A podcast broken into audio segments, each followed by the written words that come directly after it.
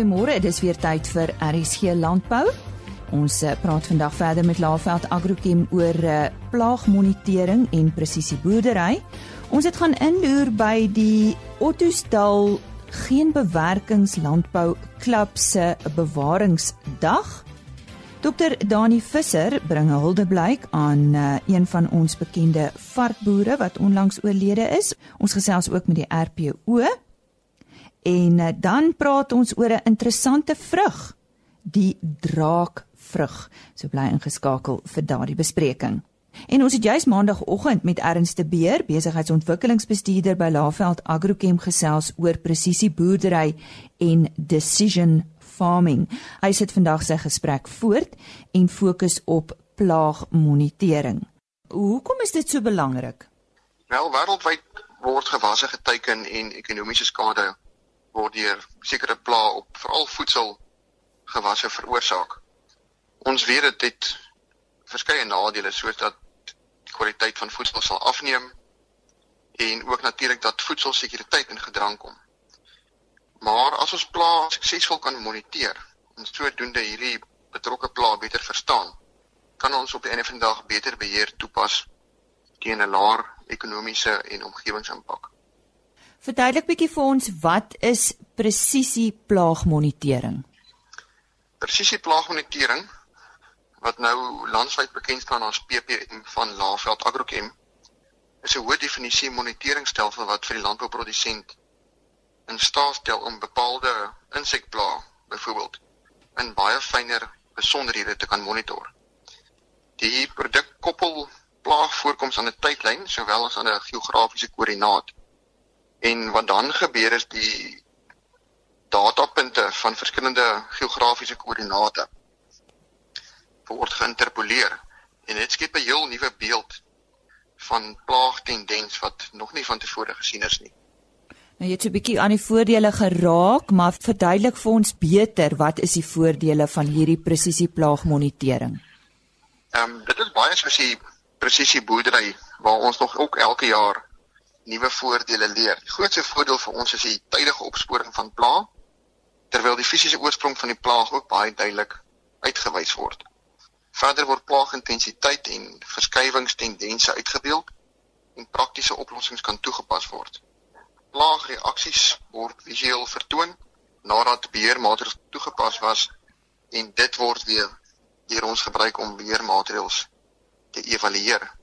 Verder is die, verder is die maklik en eenvoudig om te sien watter areas van plase of lande of boorde deurgaans onder 'n hoër of laer plaagdruk verkeer wat natuurlik bemarkingsbesluite vereenvoudig. Byvoorbeeld op sitrus waar sekere markte baie gevoelig is vir sekere plaae soos valskoolingmot kan mens vroeër beter bemarkingsbesluite neem wanneer sekere boorde onder 'n hoër of laer plaagdruk die afgelope seisoen verkeer het.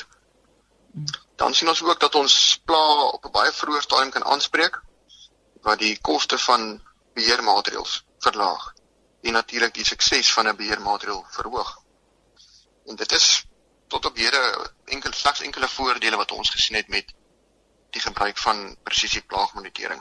Erns om mee af te sluit, uh, op watter gewasse kan presisie plaagmonitering alles toegepas word? PPM kan op die meeste gewasse gebruik word waar insekplaag gemonitor kan word. Met ander woorde, dit is feitelik op alle gewasse. Tot op hede het ons reeds sukses gehad op gewasse soos sitrus, makadamias, groente, wingerd, om net 'n paar te noem. Het ons um, baie groot sukses gehad en uh, dit lei daartoe dat ons dan nou met vrymoedigheid dit op aangewasse kan uitbrei. Ons sê baie dankie aan Ernst de Beer, hy is besigheidsontwikkelingsbestuurder by Laveld Agrochem en hy het ons meer vertel van eh, plaagmonitering, decision farming en presisie boerdery. En as u 'n maandagooggend se bespreking met hom misgeloop het, besoek gerus www.rsg.co.za vir die potgooi van die program. Soek net onder potgooi vir RSG landbou. Ons medewerker Marike Brits het by die Ottosdal geen bewerking landbou klub se spesiale dag wat hulle aangebied het gaan inloer en sy het daar met um, Hendrik Smit van Graan SA gesels as ook Klaas Malan van Namibië wat hierdie dag bygewoon het. Ja, die uh, Bewaringslandbou konferensie is 'n jaarlikse instelling. Dit is 'n twee dae konferensie wat fokus op bewaringslandbou en is gebaseer op die bewaringslandbou projek wat ons het met die Ottosdal Noutil groep. Ehm um, ons fokus op uh, aspekte van bewaringslandbou, veral die beginsels uh, van bewaringslandbou. Ons kry 'n klomp sprekers wat die ehm um, verskillende temas aanspreek. Ons uh, kry ook 'n klomp boere wat dit alreeds doen uit die omgewing, maar ook verder soos die soos die Oos-Vrystaat, Noord-Oos-Vrystaat wat 'n uh, natuurlike baie groot aantrekking is. En dan praat ons lekker en ons een middag het ons 'n uh, besoeke aan die proewe self wat ons uitlê en ons het verskillende veldbesoekpunte wat besoek word en groot gesprek uitloop om die vir verskillende beginsels net weer uit te lig en aan te spreek en te verduidelik en regtig ordentlik te ehm um, bekend te maak onder die uh, deelnemers. Wat is van die beginsels wat gedeel is? Die beginsels van bewaringslandbou is vir ons belangrik. Ons maak seker die boere verstaan dit en ons en ons uh, beklemtoon die feit dat uh die sukses van bewaringslandbou afhang van hoe goed jy die beginsels toepas. Die beginsels is eerste een minimale uh grondversteuring. Die tweede een uh permanente organiese grondbedekking. Die derde een uh diversiteit in terme van gewasse en diere soveel as moontlik daarvan. Ten minste 3 gewasse in jou rotasie of dan ook uh, dekgewasse en dan ook uh die vierde beginsel permanente wortels in die grond en dan die vyfde ene die integrasie van lewende hawe of beeste of wat ook al jy het in jou in jou stelsel. En ons sien ook hoe goed jy die ehm um, beginsels en praktyke toepas, bepaal die impak op jou grondgesondheid en en jou agro-ekologie. Dit uh versterk jou uh natuurlike prosesse, jou ekostelsel funksies en dienste in jou grond en dit gee nou natuurlik vir jou klomp goed terug vir die natuur maar ook vir die boer in terme van laer insette, groter produktiwiteit, groter winsgewendheid. En hoekom is dit die aanvaarding van bewaringslandbou so belangrik? Uh die omgewing en die boere het bewaringslandbou dringend nodig. Ons sien dat uh, daar 'n paar knellende probleme in die, in die omgewing is wat onder andere ook veroorsaak word deur uh deur landboupraktyke soos erosie, uh divers verlies van diversiteit, maar ook klimaatsverandering. Ons sien dat daar 'n dreiging is van klimaatsverandering veral in hierdie streek in die noordweste. En as ons nie aanpas binne die volgende 10 jaar ten opsigte van die bedreiging wat klimaatsverandering bring, nie gaan ons baie groot probleme ervaar. So as ons nie maksimum grondkoolstof bou in die grond, grondstruktuur nie. Ons het nie groenplante of stelsels op jou land wat uh, uh veerkragtig is ten ten opsigte van klimaatsverandering nie, gaan ons sukkel en ons het ook die gilde geleentheid as boere om koolstof uit die atmosfeer wat die probleem veroorsaak vas te lê terug in die grond waar dit hoort met bewaringslampe. Dis een praktiese uh oplossing wat net in boere se land hande lê en reg onder hulle voete in die grond. En nou terugvoer vanaf een van die boere van Namibië. Ehm um, goeiedag, ek is Klaas Malan. Ehm um, ek kom van Namibië af, Grootfontein. Ons doen ook akkerbou daar. Al dink die mense is 'n woestynland. Ja, jy het ehm um, alpad op die stad te gekom vir die bewaringsland konferensie. Hoekom was dit vir jou so belangrik? Ek self is die enigste uh landbouer in Namibië wat geen bewerking doen en dit is maar moeilik om net uit jou eie foute uit te leer. Dis hoekom ek kom hier kom kers opsteek het wat is hierdie mense se probleme. Wat van die belangrike goed wat jy geleer het? Die belangrikste is ja, laat ons boer met die vog en die vog is vir ons die belangrikste ding en laat daar deklaag moet wees en dat ons op ons kinders se grond boer wat ons wil leen. Om net om af te sluit van die uitdagings wat wat julle daar in julle omgewing het.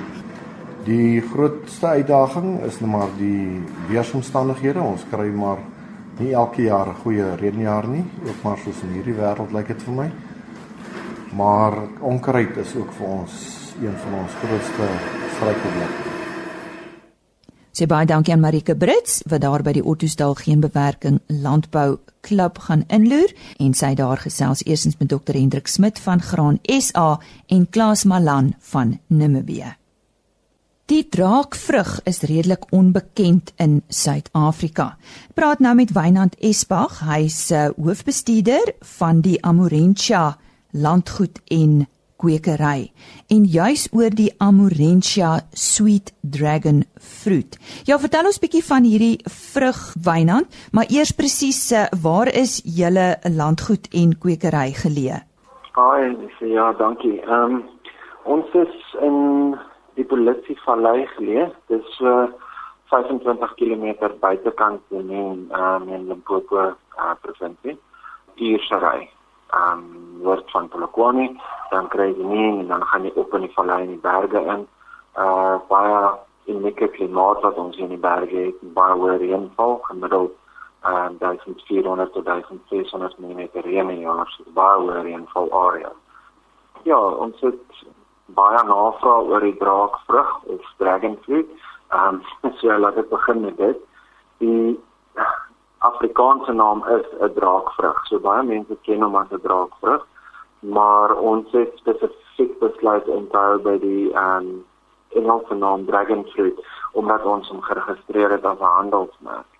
En ehm um, daaroor daarvoor praat ons eintlik van die dragon fruit maar ehm um, vir die Afrikaanse mense dit is maar die ehm um, draakvrug soos wat hulle ons al gesien het al in tydskrifte en van gehoor het. En wat maak hom nou anders? Ehm um, kyk daar's verskriklik baie navorsing op die oomblik wat ehm um, onderweg is nie net hier nie, ehm um, maar reg oor die wêreld. Nou as jy teruggaan en jy gaan lees bietjie op oor die dragon fruit, ehm um, Vietnam is die grootste produseerder in die wêreld en hulle jaarlikse oes wissel tussen 600 000 ton en uh, 900 000 ton wat 'n verskriklike hoeveelheid vrugte is. Meeste van daai vrugte word egter uh, 80% van daai vrugte word in um, China en in die ooste in gestuur waar dit gebruik word vir skoonheidsprodukte um, en gesondheidsprodukte was verskriklike reeks ehm um, produkte wat hulle ontwikkel het al oor die jare van die vrugte. Dis nie 'n baie goeie eetvrug ehm um, in die ooste of selfs in Europa nie. Dit is spesifiek vir die rede dat hy 'n baie waterige smaak het, dit is baie soet en ek weet nie nog veel nie. Ehm um, maar ons het nou gegaan en nuwe kultivars wat ontwikkel is in in Amerika ehm um, in die hande gekry en dit hier begin aanplant. En aanvanklik het ons dit maar hier geplant op 'n klein stukkie grond wat ons gedink het dag dit nou nie 'n vreeslike ding vir ons nie, so ons gaan dit maar plant en kyk wat gebeur. En ehm um, sommer tussen klippe want dit eintlik 'n woestynplant uit Mexico uit. Ehm um, so ons het nie regtig aandag aan gegee nie, net daar in die grond gedruk en gelos en 2 jaar later het ons hierdie vrugte begin kry van hierdie goed af en dit ons begin besef maar hierdie dragon fruit wat ons het is baie soeter as die gewone ene wat jy op die rakke koop in die supermarkte in Suid-Afrika. En dit ons begin navorsing doen en besef maar al ons kultivars is ontwikkel as soeter kultivars. Ehm um, en dit sou ons besluit het ons gaan hom nou vat en ons gaan hom verder ontwikkel. Die ander rede wat hom anders maak, die Amarentia sweet dragon fruit anders maak as die gewones wat daar buite in die mark is en wat die meerderheid van in die wêreldmark is. Ehm um, die ooriteite moet in die aand met die hand bestuur word. Nou dis so hulle die hele Vietnam doen, maar in ons mark het ons gesien ons het hierdie goeders geplant en vergeet daarvan. Niemand het dit in die aand gaan bestuur nie. En ehm um, dit ons besef maar hierdie is ook natuurlik bestuivend so weer eens al die navorsing gaan doen en besef ons het superkultivars en hulle word natuurlik bestuif deur motte, ehm um, vleermuise en selfs bye waar die kyk die blom maak net vir een aand oop op 'n slag en ehm um, en maak gewoonlik hier van 8:00 die aand af oop tot 6:00 die oggend. So vroegoggend kry jy baie aktiwiteit met bye rondom hom. So ons het begin baie kaste insit om ook te help met die bestuiving. En ehm um, ja, ons sien partypaal hier by ons ons koeler klimaat bly die blomme ook tot 11:00 die oggend en hulle is vol blomme wat vol vol bye wat help met die bestuiving. Ehm um, so dis hier twee hoofpunte wat die Amarantha tree dragonfruit anders maak as die ou tradisionele dragonfruit wat ons op die rakke sien. Ehm um, en dit is die super cultivars en die feit dat hulle natuurlik bestuivend is. So waar in Suid-Afrika um, is hulle al aangeplant? Ehm um, ons het dit in 2016 ehm um, Junie het ons dit vrygestel aan die publiek of aan boere, kommersiële boere. Wat ons gedoen het, ons het nou oor die laaste 4 jaar het ons proefaanplanting gedoen by Amarantha. Ehm um, ons reënval is te hoog vir ehm um, die die dragonfruit. Ehm um, ons het gesien hulle vrugte groei te vinnig van al die vog in die water en dan bars hulle oop. So wat ons gaan doen het ons het al ons bestaande plante uitgegrou, 'n groot gat gegrou, 1 meter by 1 meter by 1 meter en ons het ehm um, die helfte van die gat met organiese materiaal gevul en ons het goeie dreinerende grond in die grond ingesit wat 'n groot verskil gemaak het. So nou skielik dreineer die water weg en hulle staan nie meer in die water nie, so die vrugte bars nie meer oop soos wat hulle gedoen het hulle permanent nat gebly het. Ehm um, so in 2016 het ons besluit ons gaan ons cultivars vrystel aan boere, maar dit is in 'n tipe van 'n groeiersklap. Maar dit is nie 'n volwaardige groeiersklap nie. Dit is meer net 'n eksklusiewe mark as mens dit so kan stel.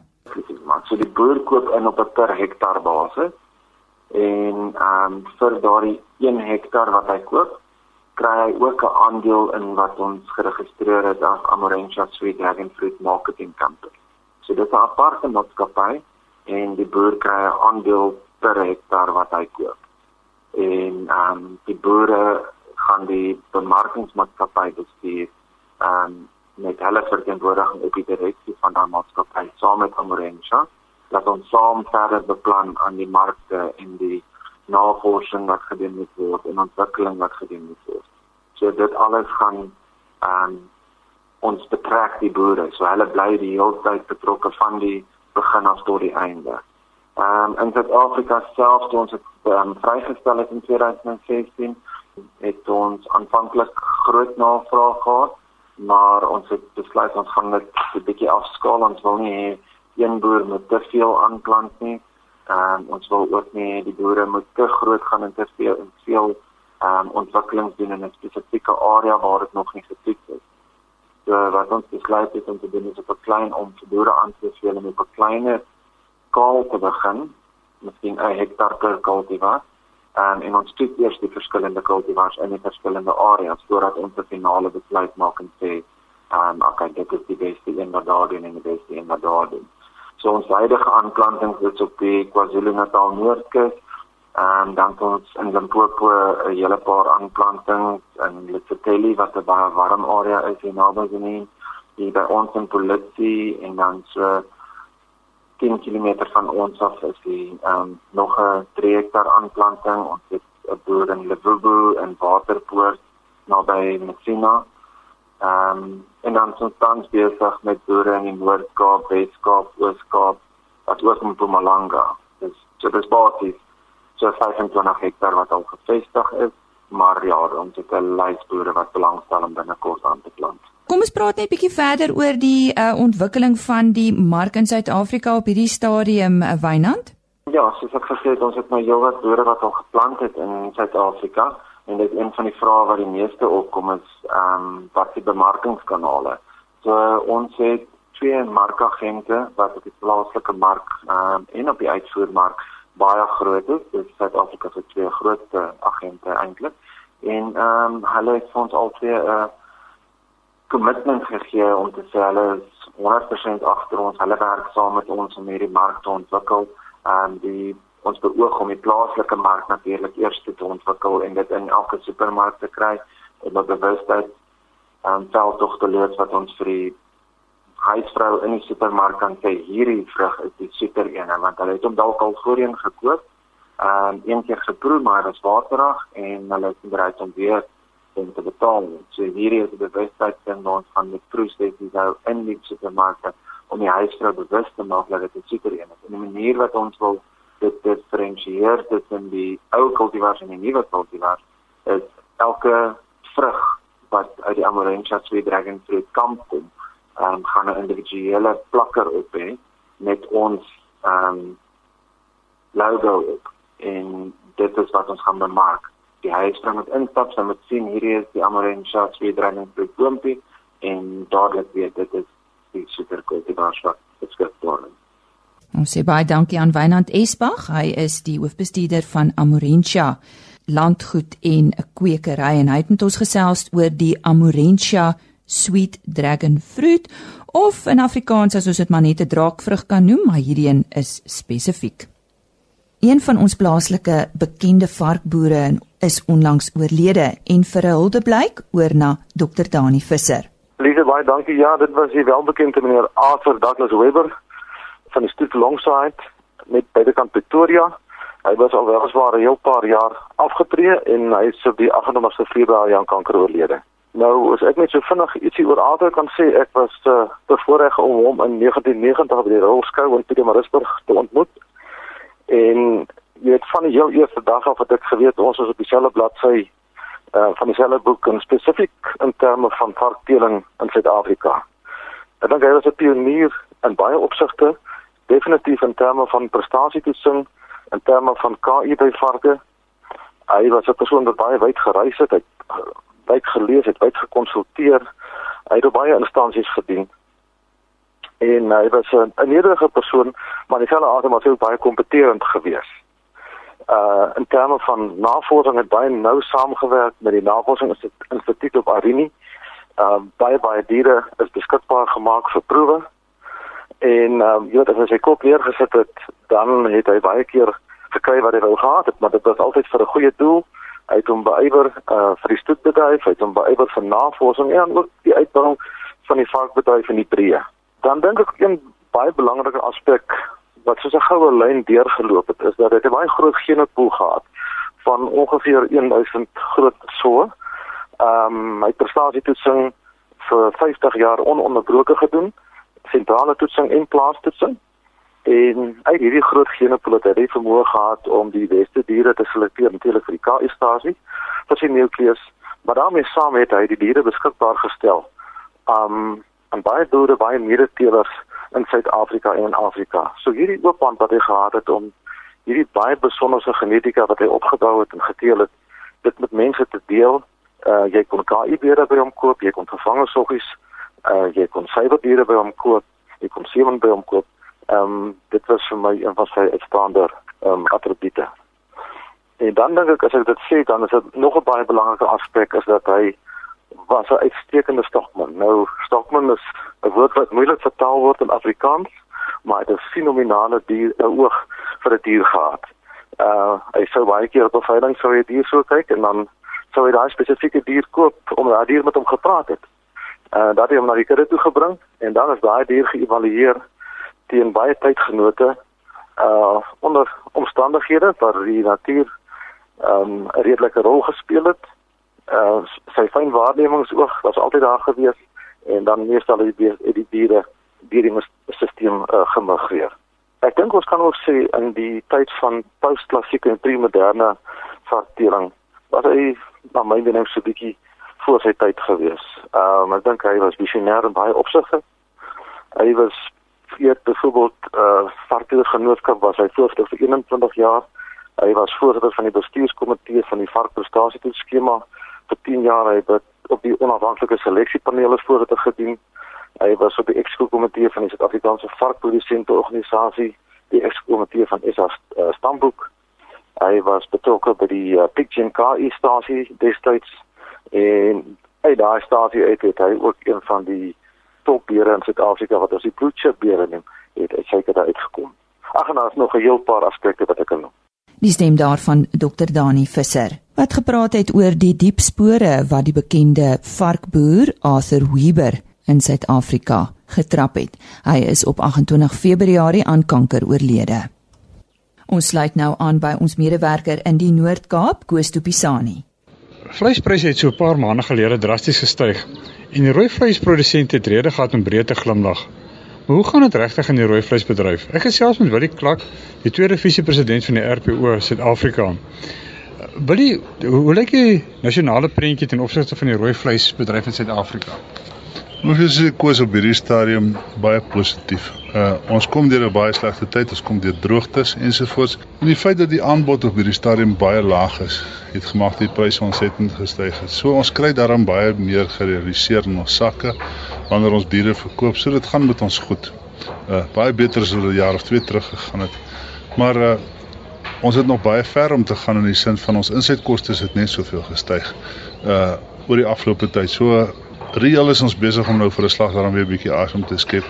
En uh ons weet nie hoe lank dit so gaan aanhou nie. Ons weet nie hoe lank dit die, die aanbod gaan hou nie, maar dat die aanbod gaan laag bly is 'n absolute feit want ons het baie diere uitgeslag. Ons het paar jaar terug baie vroulike diere uitgeslag. So uh ons aanwas is laag. Ons is weer besig in 'n kinderbou-fase en met die gevolg is dat die aanbod is maar net nie daar nie.